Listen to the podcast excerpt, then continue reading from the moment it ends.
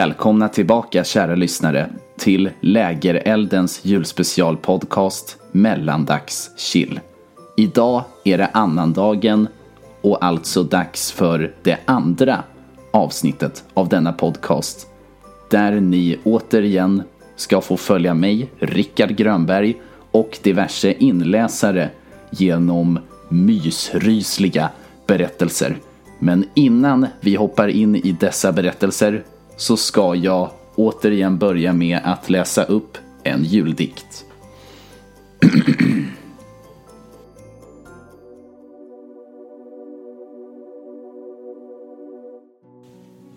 Nu tindrar stjärnor i det blå, i hus och fönster likaså.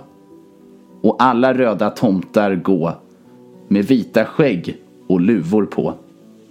Ge oss musik, fiolen stäm och sjung om julen och Betlehem. Låt Staffan vattna fålar fem och god havre fodra dem. Låt friden komma till en var. Sen Kalle Anka tystnat har. Sen klapputdelningen är klar och bara sömnigheten är kvar. Så, nu när vi har börjat komma in lite i den mysiga stämningen så har det nu blivit dags att övergå sakta men säkert till den rysliga stämningen. Och vi börjar med Josefin Stark som ska berätta om familjemordet på Låsen juldagen 1929.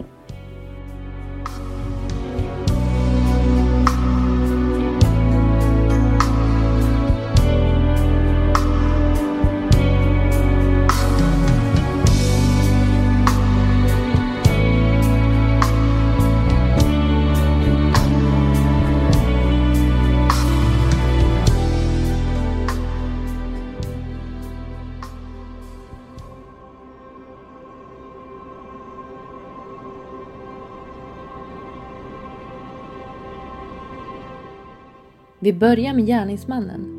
Detta var Charles Davis Lawson, född den 10 maj 1886. Charlie Lawsons föräldrar, Augustus och Nancy, bodde i det oinkorporerade samhället som kallas Lawsonville, beläget 10 mil från Danbury, Stokes läns säte. Han föddes där och gifte sig 1911 med Fanny Manring. De fick åtta barn men den tredje, William, född 1914, dog av en sjukdom 1920. 1918, efter att hans yngre bröder Marion och Elia flyttat till Germantonområdet följde Larsson efter med sin familj. Familjen Larsson arbetade som delägare och sparade tillräckligt med pengar 1927 för att köpa sin egen gård på Brook Cove Road Någonstans under 1929 så fick Charles en huvudskada. Oklart vad som hände, men något som bör ha varit ett slag eller liknande mot huvudet. Detta något kan vara orsaken till den senare händelsen som vi kommer komma till nu. Det är juldagen den 25 december 1929 och familjen Lawson åkte till stan för att köpa nya kläder och för att ta ett familjeporträtt. När familjen är färdiga och är hemma igen så skulle barnen Carrie, 12 år, och Mabel, 7 år, till sin farbror och moster för att lämna julklappar. Charles befann sig då i tobaksladan och väntade med ett hagelgevär. När döttrarna var inom räckhåll så avfyrade Charles sitt hagelgevär. Carrie och Mabel avled direkt, men för att försäkra sig att de var döda så började han att förgripa sig på dem sexuellt. Han lade sedan kropparna in i ladan. När Charles var färdig så gick han upp till huset. Hans fru Fanny var på verandan när Charles sköt henne. Deras dotter Marie, 17, skrek till sina bröder James, 4 och Raymond, 2 att de skulle springa och gömma sig. Så småningom så sköt Charles Marie och sedan pojkarna. Till sist så hittade Charles den fyra månader gamla barnet Mary Lou Enligt uppgifter så ska Mary Lou ha blivit ihjälslagen. Efter att massakern var färdig så placerade Charles kropparna så de hade armarna i kors och en sten under huvudena. Efter detta så gick han och sköt sig själv inne i skogen. Detta skottet hördes av många som kontaktade stadens polis. Polisen kom och hittade alla kropparna, förutom en. Detta var parets äldsta son Arthur, 16 år, som hade varit iväg på andra ärenden strax innan massakern började. Men han fanns vid liv. Familjen begravdes och eftersom familjen inte var rik så hade de sina nyinköpta kläder på sig under begravningen. Teorierna kring varför Charles begick detta makabra dåd var eventuellt på grund av den huvudskada han fått månaderna innan dådet. Men under obduktionen av Charles så hittade man inget som tydde på att detta stämde. Det finns även en teori om att det inte ens var Charles som begått dådet. Detta tros vara iscensatt.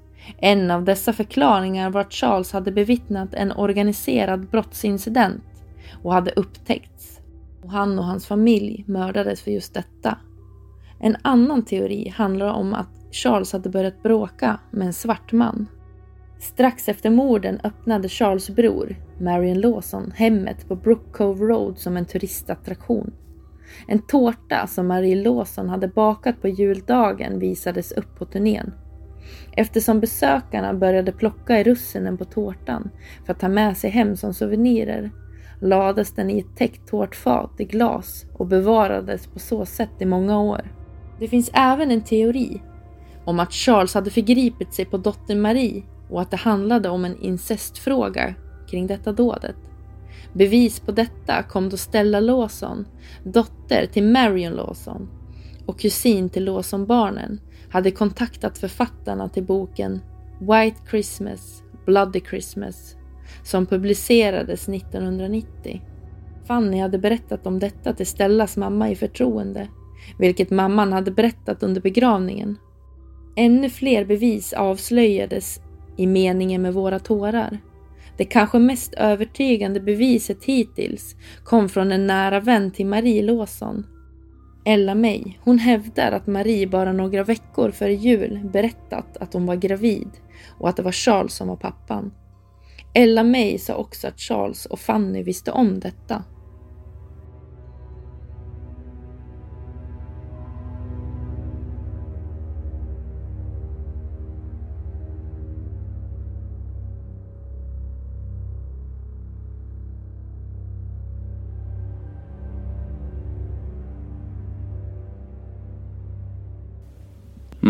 Lite spännande ändå, men självklart väldigt hemskt. Man kan ju undra om det var Charles som mördade familjen, eller kan det ha varit någon annan? Hur som helst så har det nu blivit dags att gå vidare och berätta om Sherman Klein som mördade sin familj den 18 december 1968. Som berättas här och nu av Eva Lundegård. Varsågod.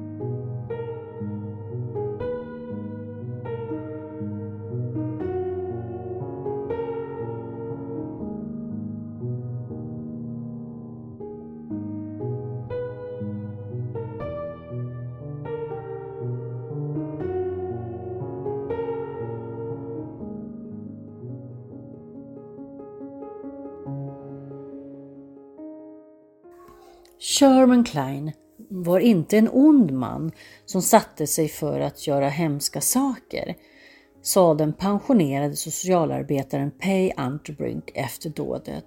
Men vad var det som hände egentligen den 18 december 1968? Men för att förstå lite vem Sherman Klein var så backar vi tillbaka till hans barndom. Sherman Lorraine Klein föddes år 1933.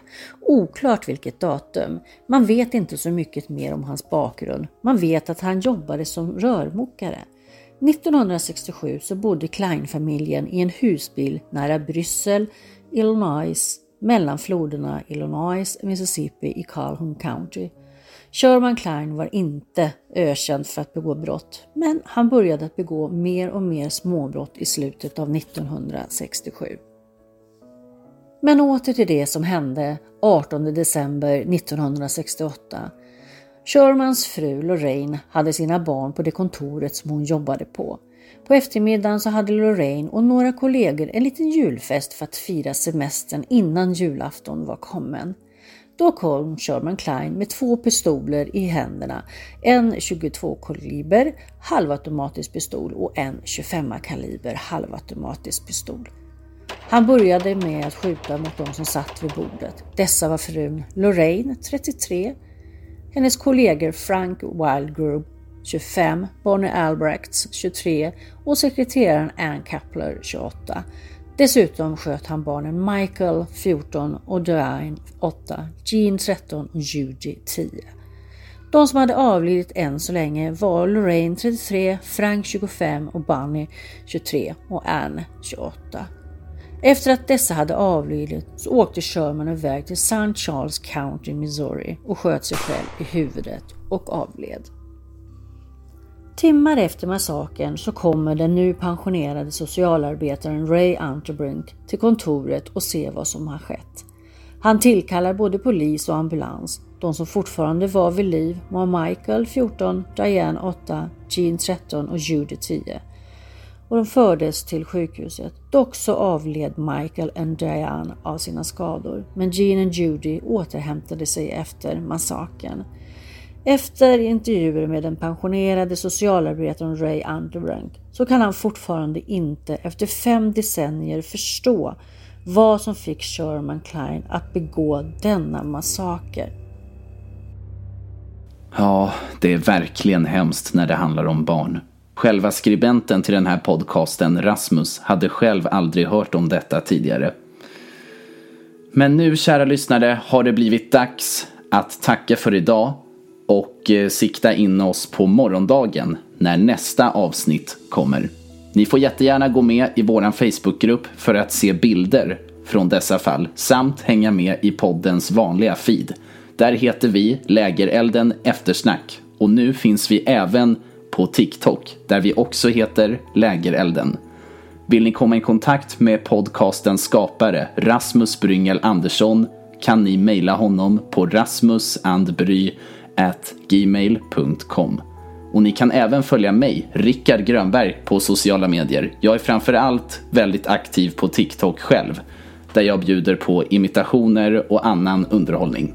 Profilnamn står även i beskrivningen till detta avsnitt som ni nu lyssnar på. Med det sagt så hörs vi imorgon helt enkelt. På tredje dagen så att säga. God kväll på er.